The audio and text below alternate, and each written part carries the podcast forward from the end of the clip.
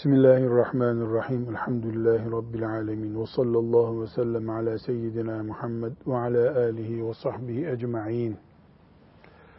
Riyazu Salihin'in bu bölümünde anne, baba ve sıla rahim konusuna geldik. Bu ders ve bir sonraki derste bu konularla ilgili yani anne baba ve sıla-i rahimle ilgili konuları anlatan ayetler ve hadisi şerifler dinleyeceğiz. Önce iki şeyi tarif edeyim. Ondan sonra hem ayetlere hem hadis-i şerife geçelim. Birincisi sıla-i rahim kelimesi Türkçemizde akraba ziyareti olarak çok dar bir manada anlaşılıyor. Ama ayetlerin emrettiği, hadis-i şeriflerin emrettiği sıla rahim, içinde ziyaretin de bulunduğu akraba ilişkilerini kollama anlamına kullanılan bir deyimdir. Allah sıla rahimi emrediyor demek, insanın birinci dereceden akrabası ile bağlarını canlı tutması demektir. Bu canlı tutmanın gereklerinden biri ziyarettir. Telefon etmektir. Hal hatır sormaktır. Borç vermektir. Yardım etmektir. Hastalığında ziyaret etmektir. Cenazeyle ilgilenmektir. Ama sıla rahim birden çok pek çok görevin yer aldığı bir emrin adıdır. Sıla-i Rahim'e kimler dahildir? Anne baba, insanın birinci dereceden yakını. Anne babanın kardeşleri, birinci dereceden yakın. Anne babanın yukarısı, yani dedeler, neneler. Kan bağımızın birinci derecede bağlı olduğu isim verirsek ana, baba, dedeler, nineler, halalar, amcalar, dayılar, teyzeler. Bunlar birinci derecede sıla rahim diye Allah'ın kullanmamızı emrettiği kimseler. Bunlardan uzaklaşıldıkça bu emrin ağırlığı da hafifler. Mesela halayı, teyzeyi, amcayı, dayıyı yüzde yüz kollayacaksınız buyurduysa Allah, hala çocuğunda yüzde seksen olacak bu. Halanın eniştesinde yani halanın çocuğunun kocasında yüzde ellilerin altına düşecek misal. Böyle bir rakam yok ortada. Ama bu ilk kanla birinci derecede bağlı olduğumuz bu grup muhakkak ilgi alanımızda olacak. Aksi takdirde Allahu Teala'nın rızası bizden uzak olur. Bunların da hepsi yani sıla rahimdeki bu listenin hepsinin özetinin kat kat ağırlığı da anne babadadır. Yani mesela amcayla ilgilenmek Allah'ın emridir dersek eğer, babayla ilgilenmek Allah'ın emridir, emridir, emridir, emridir olur teyzenle ilgilenmek vazifedir dersek, annenle ilgilenmek vazifedir, vazifedir, vazifedir, vazifedir, vazifedir olur. Elbette hepsi Allah'ın emri ama mesela sabah namazı kılmakla iki rekat nafile kıl, namaz kılmak aynı olmadığı gibi. Hatta sabah namazı ile öğle namazı da aynı olmadığı gibi. Aralarında ağırlık farkı bulunduğu gibi bu emirde de bir fark var.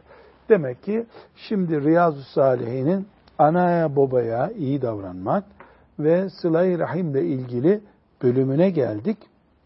Bu sıla-i rahim ne manaya geliyor? Onu öncelikle açıkladık. Bir başka husus daha var. O da nedir? Şimdi biz Nevevi'nin rahmetullahi aleyh e, Riyazu Salihin diye yazdığı Peygamber Efendimiz sallallahu aleyhi ve sellemin sözlerinden oluşan bir kitap okuyoruz. Nevevi bu kitabın bir bölümünü açmış. Anneye babaya iyi davranmak diye bir bölüm açmış. Sıla-i Rahim diye bir bölüm açmış. Nebevi'nin hoşuna gittiği için, böyle uygun gördüğü için filan mı? Hayır. Nebevi bize din getiremez ki. Dine ilave yapmak, bu dinden bir parça koparmak Nebevi'nin hakkı değil ki. Allah böyle din öğrettiği için bize. Celle Celaluhu. Peygamber sallallahu aleyhi ve sellem dinimizi böyle gösterdiği içindir. Dolayısıyla sıla-i rahim ve özellikle de anne babanın karşısında el pençe durmak, hürmetkar olmak, onların incinmemesi için uğraşmak Allah'ın emridir. İslamiyeti oluşturan parçalardan bir tanesidir. Biz Müslümanlığımız nedir diye sorulduğunda hep namazdan örnek veririz. Oruçtan örnek veririz. Doğru. Hac, hac örneği veririz. O da doğru. Kur'an okumak deriz. Doğru. Ama anne baba da namaz gibi bir iştir. Bu ikinci husus. Bunlara neden böyle bir giriş yapma ihtiyacı hissettik? Yani anne babayı bir ahlak konusu. İyi çocuklar, ahlaklı çocuklar, annelerine babalarına iyi davranırlar diyemeyiz. O İslamiyet'in dışındaki kültürlerin anlayışıdır. Ahlak ne demek? Takmadığın zaman anneni kötü bir iş yapmış olursun ama bildiğini yaparsın. Müslümanlıkta ise öyle değil. Ananı üzdüğün zaman başına gök düşer. Babanı üzdüğün zaman cennetin yolunu tıkatırsın. Çünkü sıradan bir iş değil. Şimdi ayetler okuyacağız inşallah. Bu ayetlerde hem anneyi babayı Allah nereye oturtuyor?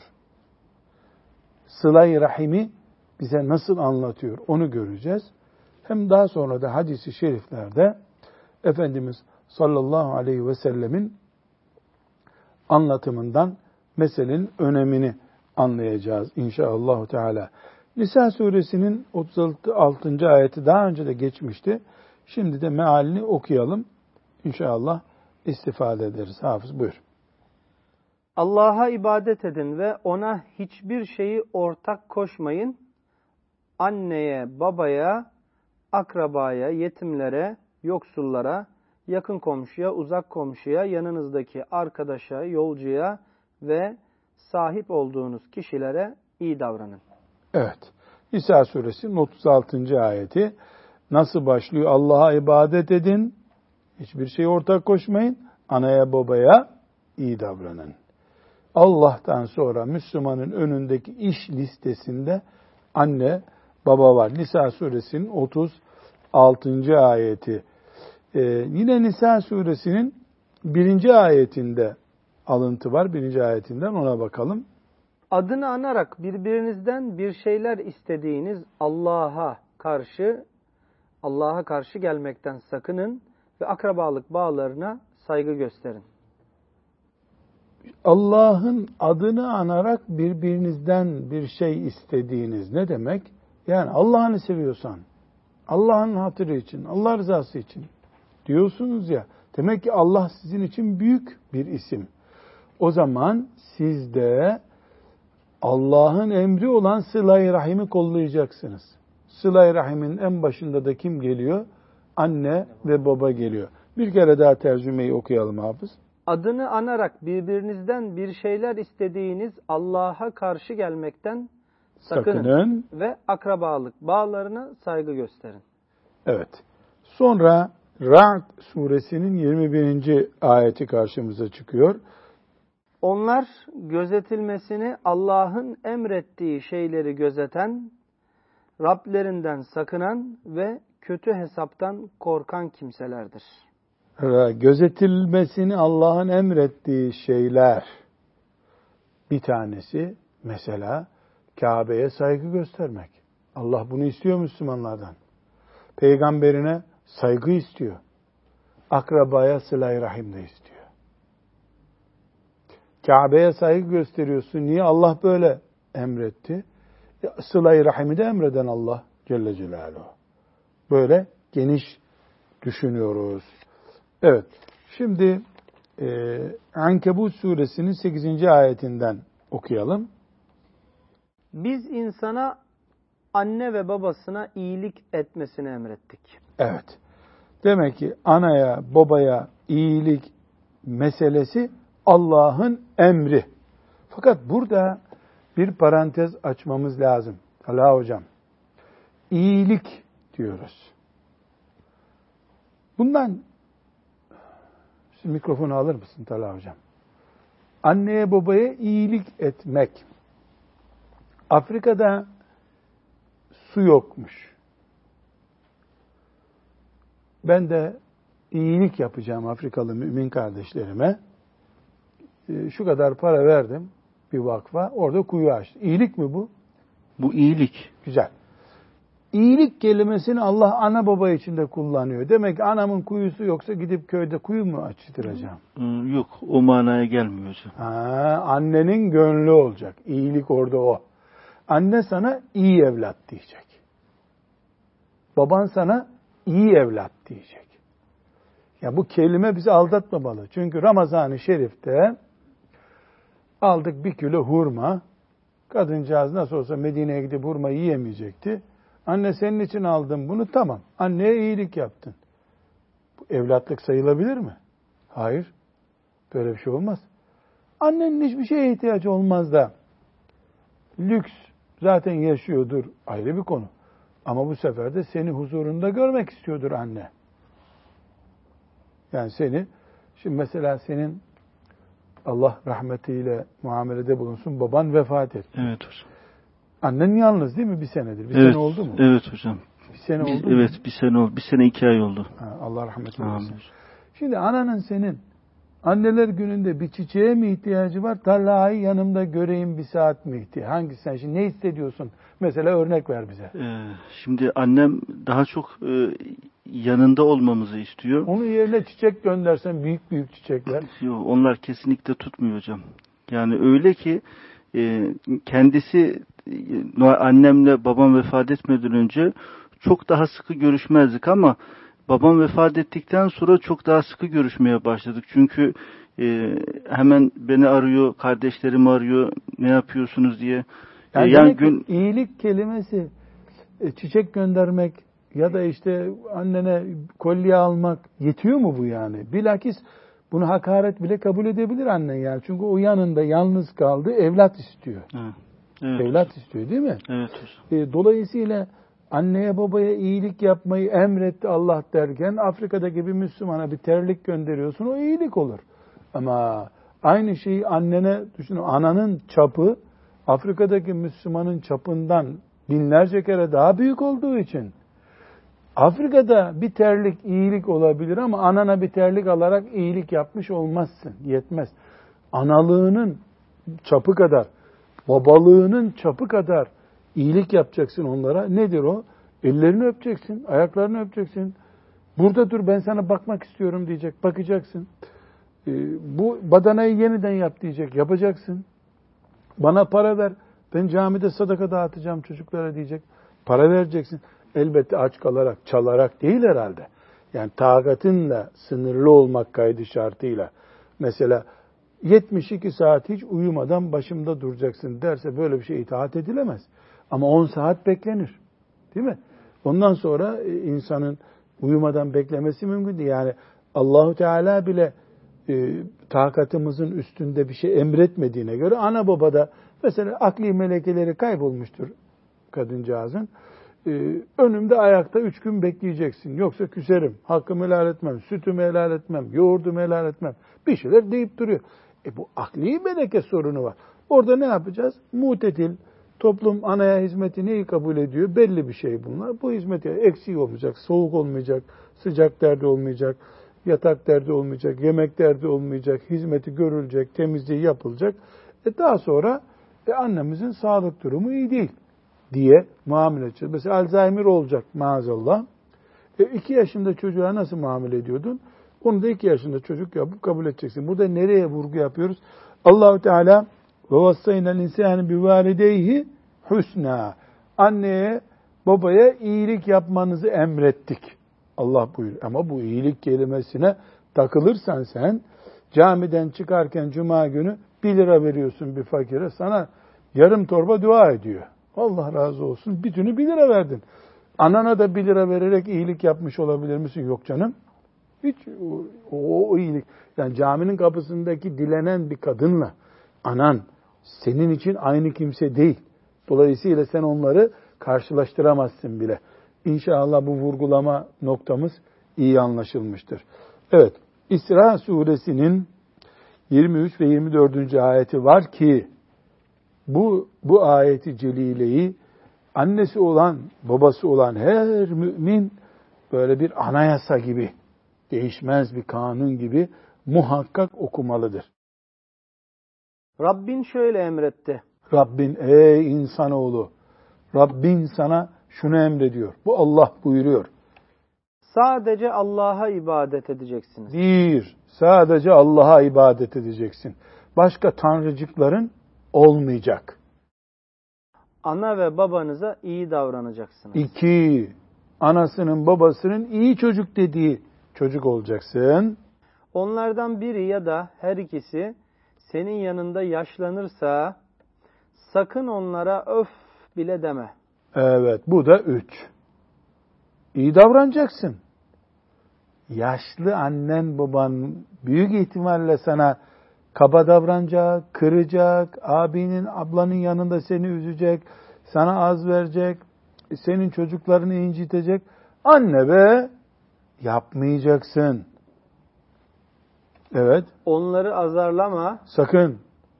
Eğer Allah'a ibadet eden Müslümansan ana baba azarlamayacaksın. Onlara saygıyla hitap et. Evet. Onlara merhamet ederek tevazu kanatlarını aç da Rabbim küçüklüğümde onlar beni nasıl şefkatle büyüttülerse sen de onlara öyle merhamet et de. Evet. işte imtihan bu. Sen 50 yaşındasın. 20 yaşında delikanlı oğlun var. 23 yaşında kızın var. Senin yaşında hanımın yanında annen geliyor sana 5 yaşındayken bağırdığı gibi bağırıyor. 1, 2, 3 bağırıyor. Terliği fırlatıyor. E çocukların önünde rezil olmak desen rezil oldun. E hanımına karşı otoriten kayboldu. Veya kocana karşı sen mahcup düştün. Seni annen bile azarladı geçen gün. Dedi. Veya baban. E işte sen sinirlenmiyorsun. Kızmıyorsun. Yetti mi? Yok. Üstüne bir de dua ediyorsun. Rabbirhamhuma kema rabbeyani sagira. Rabbim ben bebekken onlar beni merhametle büyüttüler. Sen de şimdi onlara rahmet et diyorsun. Bu bir imtihan işte. Hangi imtihan bu?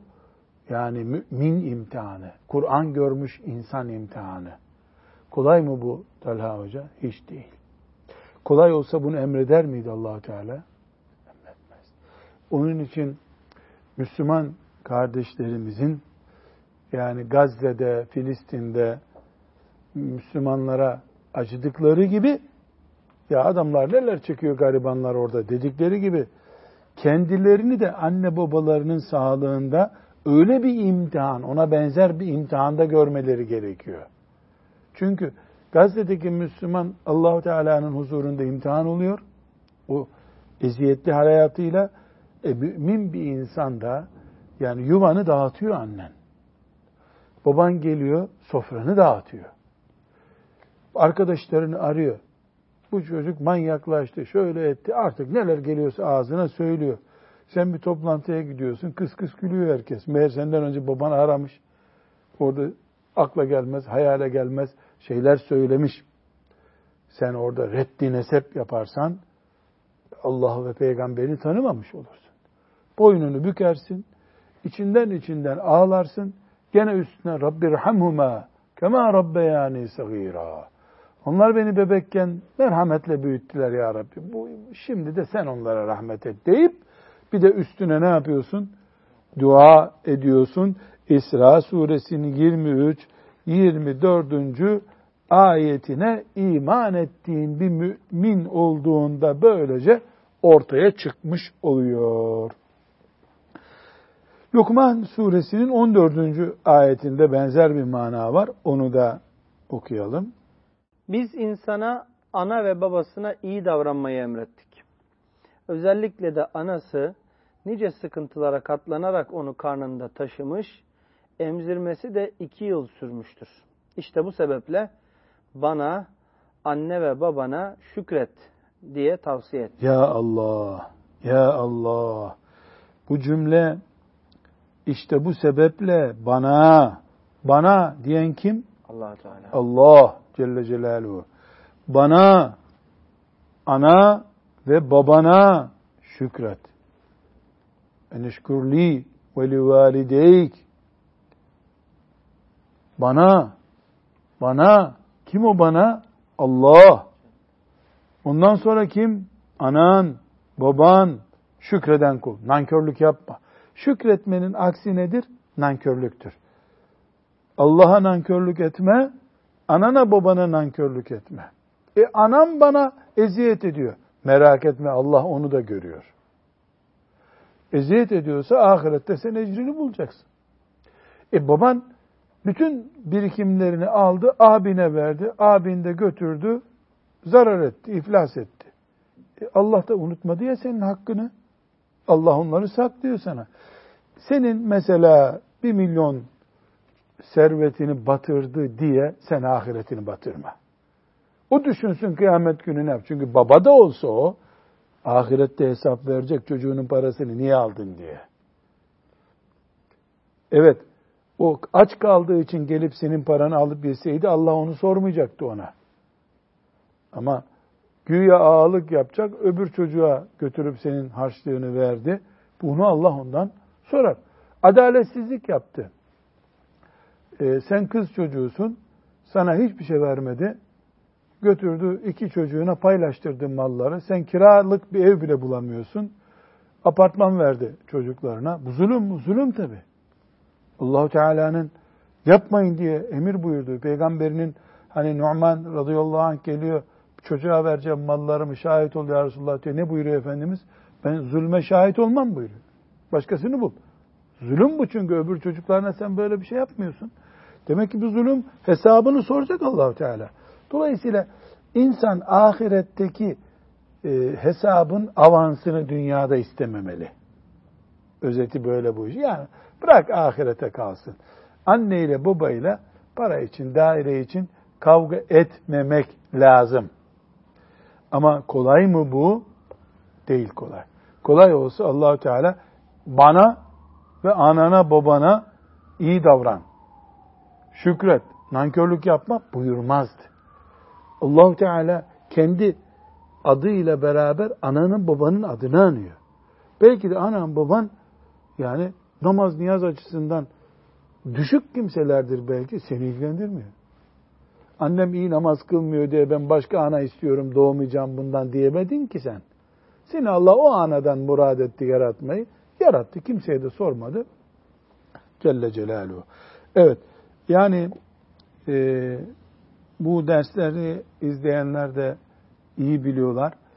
Toplumumuzun gündemine İslamiyetimizi Allah'ın indirdiği gibi taşımak gayretimiz var. Sadece namaza, sadece zikre, sadece cihada, sadece siyasete daraltıldığı zaman İslamiyet, mesela sadece cihat diyorsun, anan baban ne olacak peki?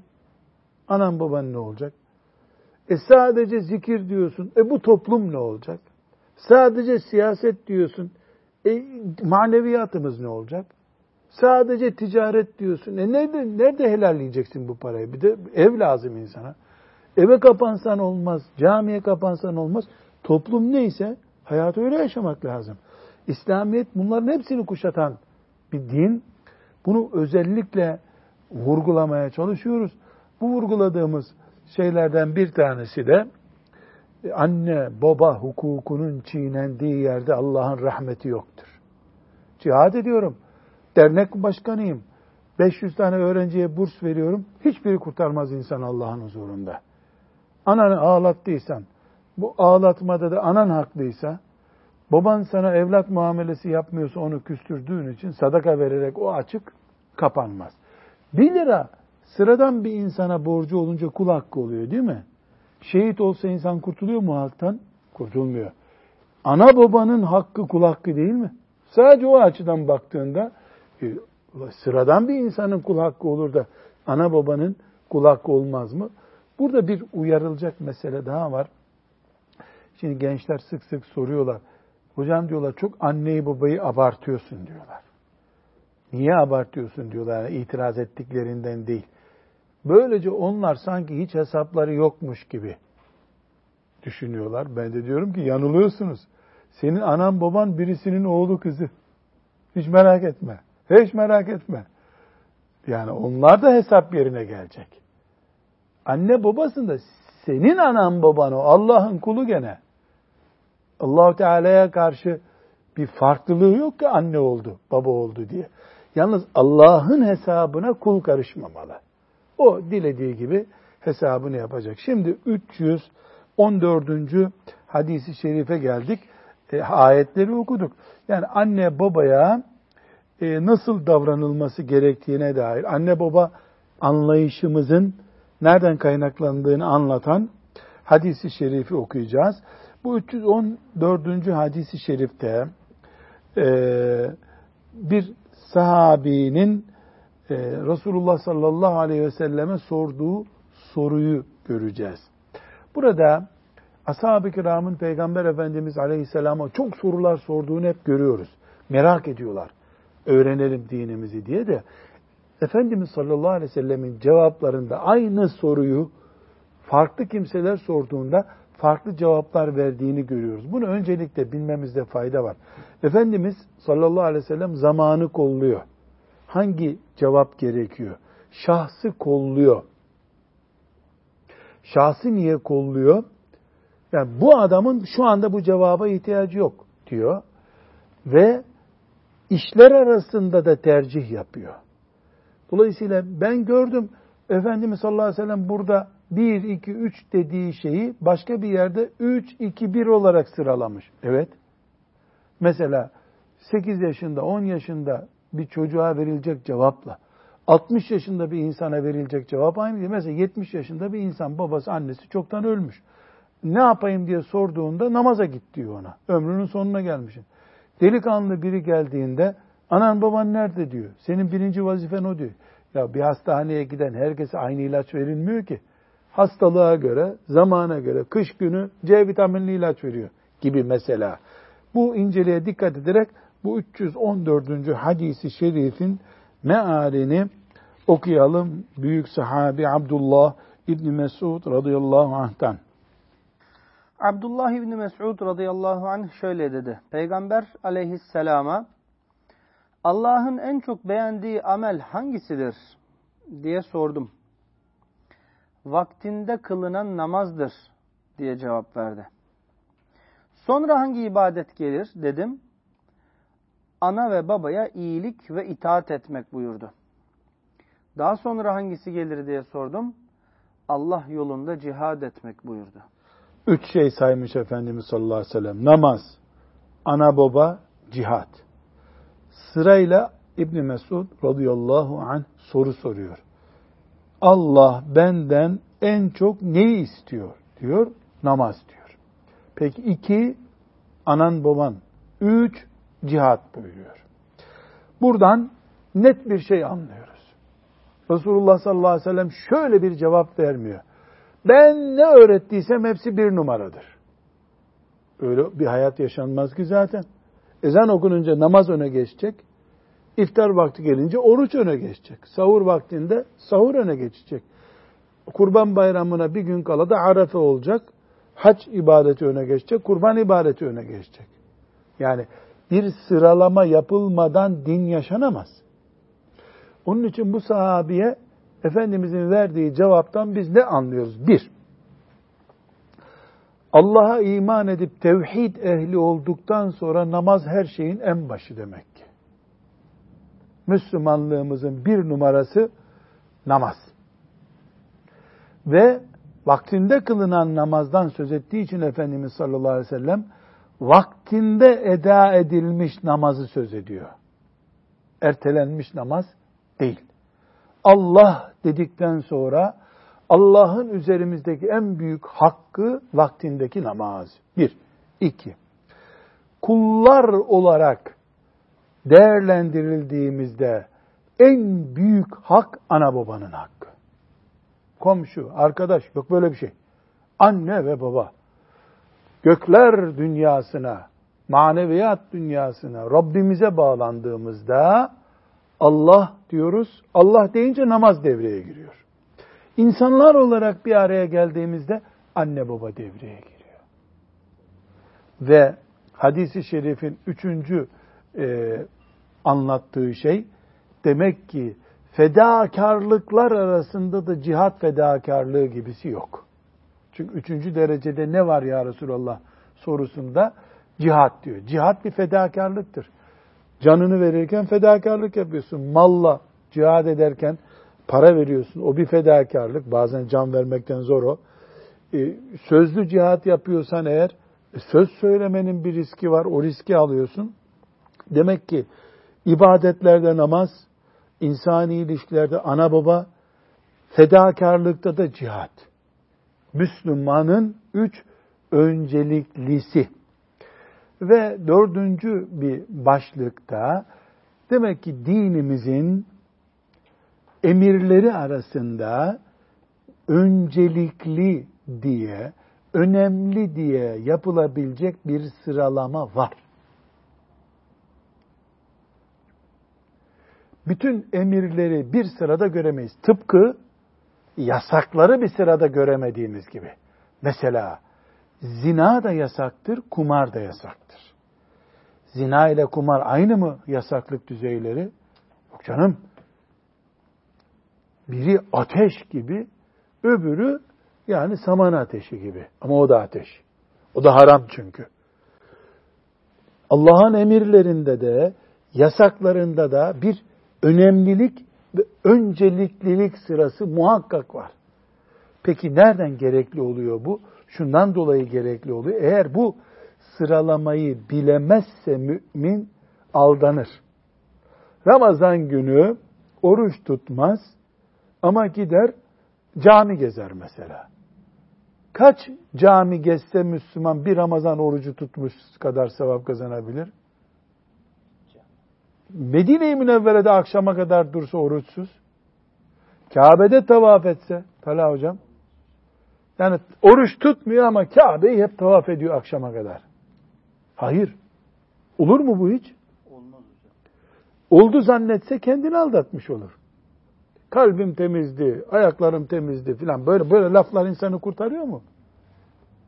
Mesela Efendimiz sallallahu aleyhi ve sellem dişlerinizin temizleyin diyor değil mi? Neredeyse günde beş defa emredecektim diyor. Beş defa emredecektim diyor da acımış bize. Beş defa emretmemiş. Her yemekte bari temizlememizi istemiş. Peki dişlerini çok iyi temizliyor Müslüman ama haram olan bir şeyi de yapıyor. Ama diş temizliğine de önem veriyor. Sıralama hatası ne abi? Mesela alkol kullanıyor ama adamın dişleri çok temiz. Bir önemi var mı bunun artık? Yanlış yere oturttuk. Yanlış yere oturttuk. Şimdi alkol keşke sen hiç hayatında dişlerini temizlemeseydin de alkol de kullanmasaydın. Evet diş temizliği önemli.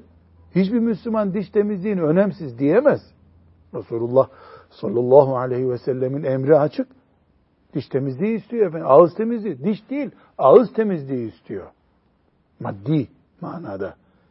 Fırçayla, macununla, misvağınla temizliyor. Temizle diyor. Ama midene alkol indikten sonra dişin temiz olsa ne olur, kirli olsa ne olur, çürük olsa ne olur? Yani birinin sıralamasıyla öbürünün sıralaması karşılaştırılır gibi değil. Onun için dinimizin emirlerinde de yasaklarında da bir sıralama var. Farz ne demek?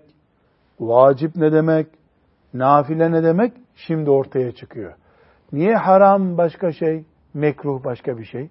Bu ayrıntıyı anlayamazsan haramla uğraşırsın bir mekruha karşı da titiz olduğunu, hiç mekruhlara yanaşmıyor.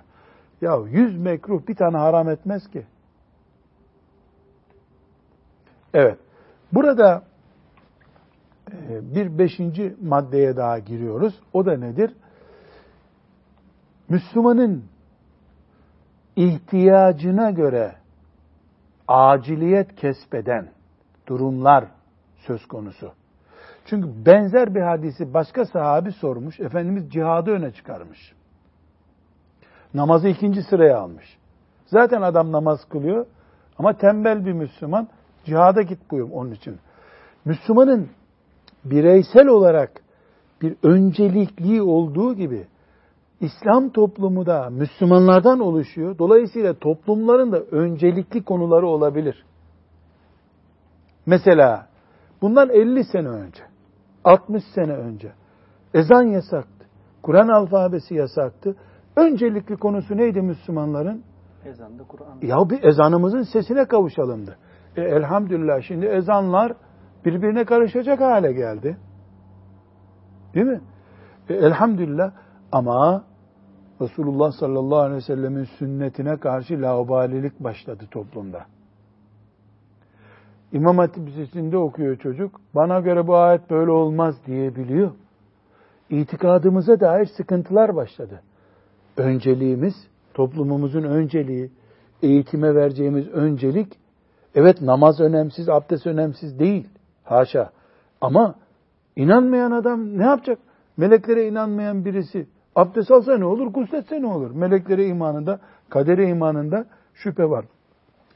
Fertlerin, şahısların özellikli konuları, öncelikli konuları, ilk kademede olması gereken konular olduğu gibi fertlerden oluştuğu için toplum bir noktada toplumun yanlış kayma, yön değiştirme gibi riski olabilir. Alimler, hoca efendiler bunu anlamalı ve bunu öncelikli yapmalıdırlar. Aksi takdirde vakit zayiat yapılmış olur. Bu sıralama hatasından şeytan istifade eder. Evet, burada e, vakti bitirmeden küçük bir e, yeniler anekdot diyor. Ben mülahaza diyeyim. Küçük bir mülahazayı not etmekte fayda var. Kaç ayet okuduk? Hem İsra suresinin hem Lokman suresinin ayetinde allah Teala kendi mübarek ismiyle ana baba ismini bir arada zikrediyor. Bunun hikmetini kendisi bilir tabi. Yani kullar olarak biz şöyle filan kanun maddesine uygun olsun diye zikretti diyecek halimiz yok. Ama alimler üç noktada kesişmeden söz ediyorlar. Birincisi Allahu Teala haliktir, yaratıcıdır. İnsanı kim yarattı? Allah. Yaratma fiili neyin üzerinde gerçekleşti? Annenin babanın üzerinde gerçekleşti. Anne ile baba Allahu Teala'nın Halik ismi üzerinde birleşiyor. Onun için de ayet bana ve anana babana diyor ayet. Bir. İki, Allahu Teala kulun Rabbidir. Benim Rabbim Allah'tır diyoruz. Rab ne demek? Sahibim benim. Terbiye edenim. Yetiştirenim. Bunu kimin üzerinde yapıyor Allah? Kundakta iken anamızın babamızın üzerinde yapıyor. Bir noktada daha anne baba olmasa kundaklayan bir anne, büyüten, e, peynir ekmek getiren bir baba olmasa Allah'ın o e, muradının gerçekleştiği zemin adeta olmuyor. Bu sefer de Allah'ın rububiyeti ile Rab olması ile ana baba birleşiyor. Onun için de ben ve anan baban diyor allah Teala. Üçüncü olarak da Halik'i, Allah kulun Halik'i ve nimet vereni olduğu için şükret bana diyor. Şükreden kullarımdan ol. Seni yarattım, yaşatıyorum. E bu şükrü kul yapacak ama anne baba olmasaydı ortada şükreden dili de olmayacaktı o kulun. Şükür noktasında da anne babalı bir ortamda olduğu için çocuk Allah'a ulaşıyor. Dolayısıyla üçüncü noktada şükür noktasında Allah ve ana baba kesişiyor. Mefhum olarak. Zat olarak değil şüphesiz. Bu üç şeyden dolayı ayet anne ve babayı birleştiriyor. Enişkürli ve livalideyk bana, anana babana şükreden kul olacaksın. Beceremezsen dönüp bana geleceksin haberin olsun. Böyle masir değil mi? Dönüp bana geleceksin. Sorgulanacağın konu anana babana niye şükreden bir kul olmadın sorgusu olacak diyor. Allahu alem aslını fakat böyle bir tahminde bulunmuş ulemamız. Ve sallallahu ve sellem ala seyyidina Muhammedin ve ala alihi ve sahbihi ecma'in velhamdülillahi rabbil alemin.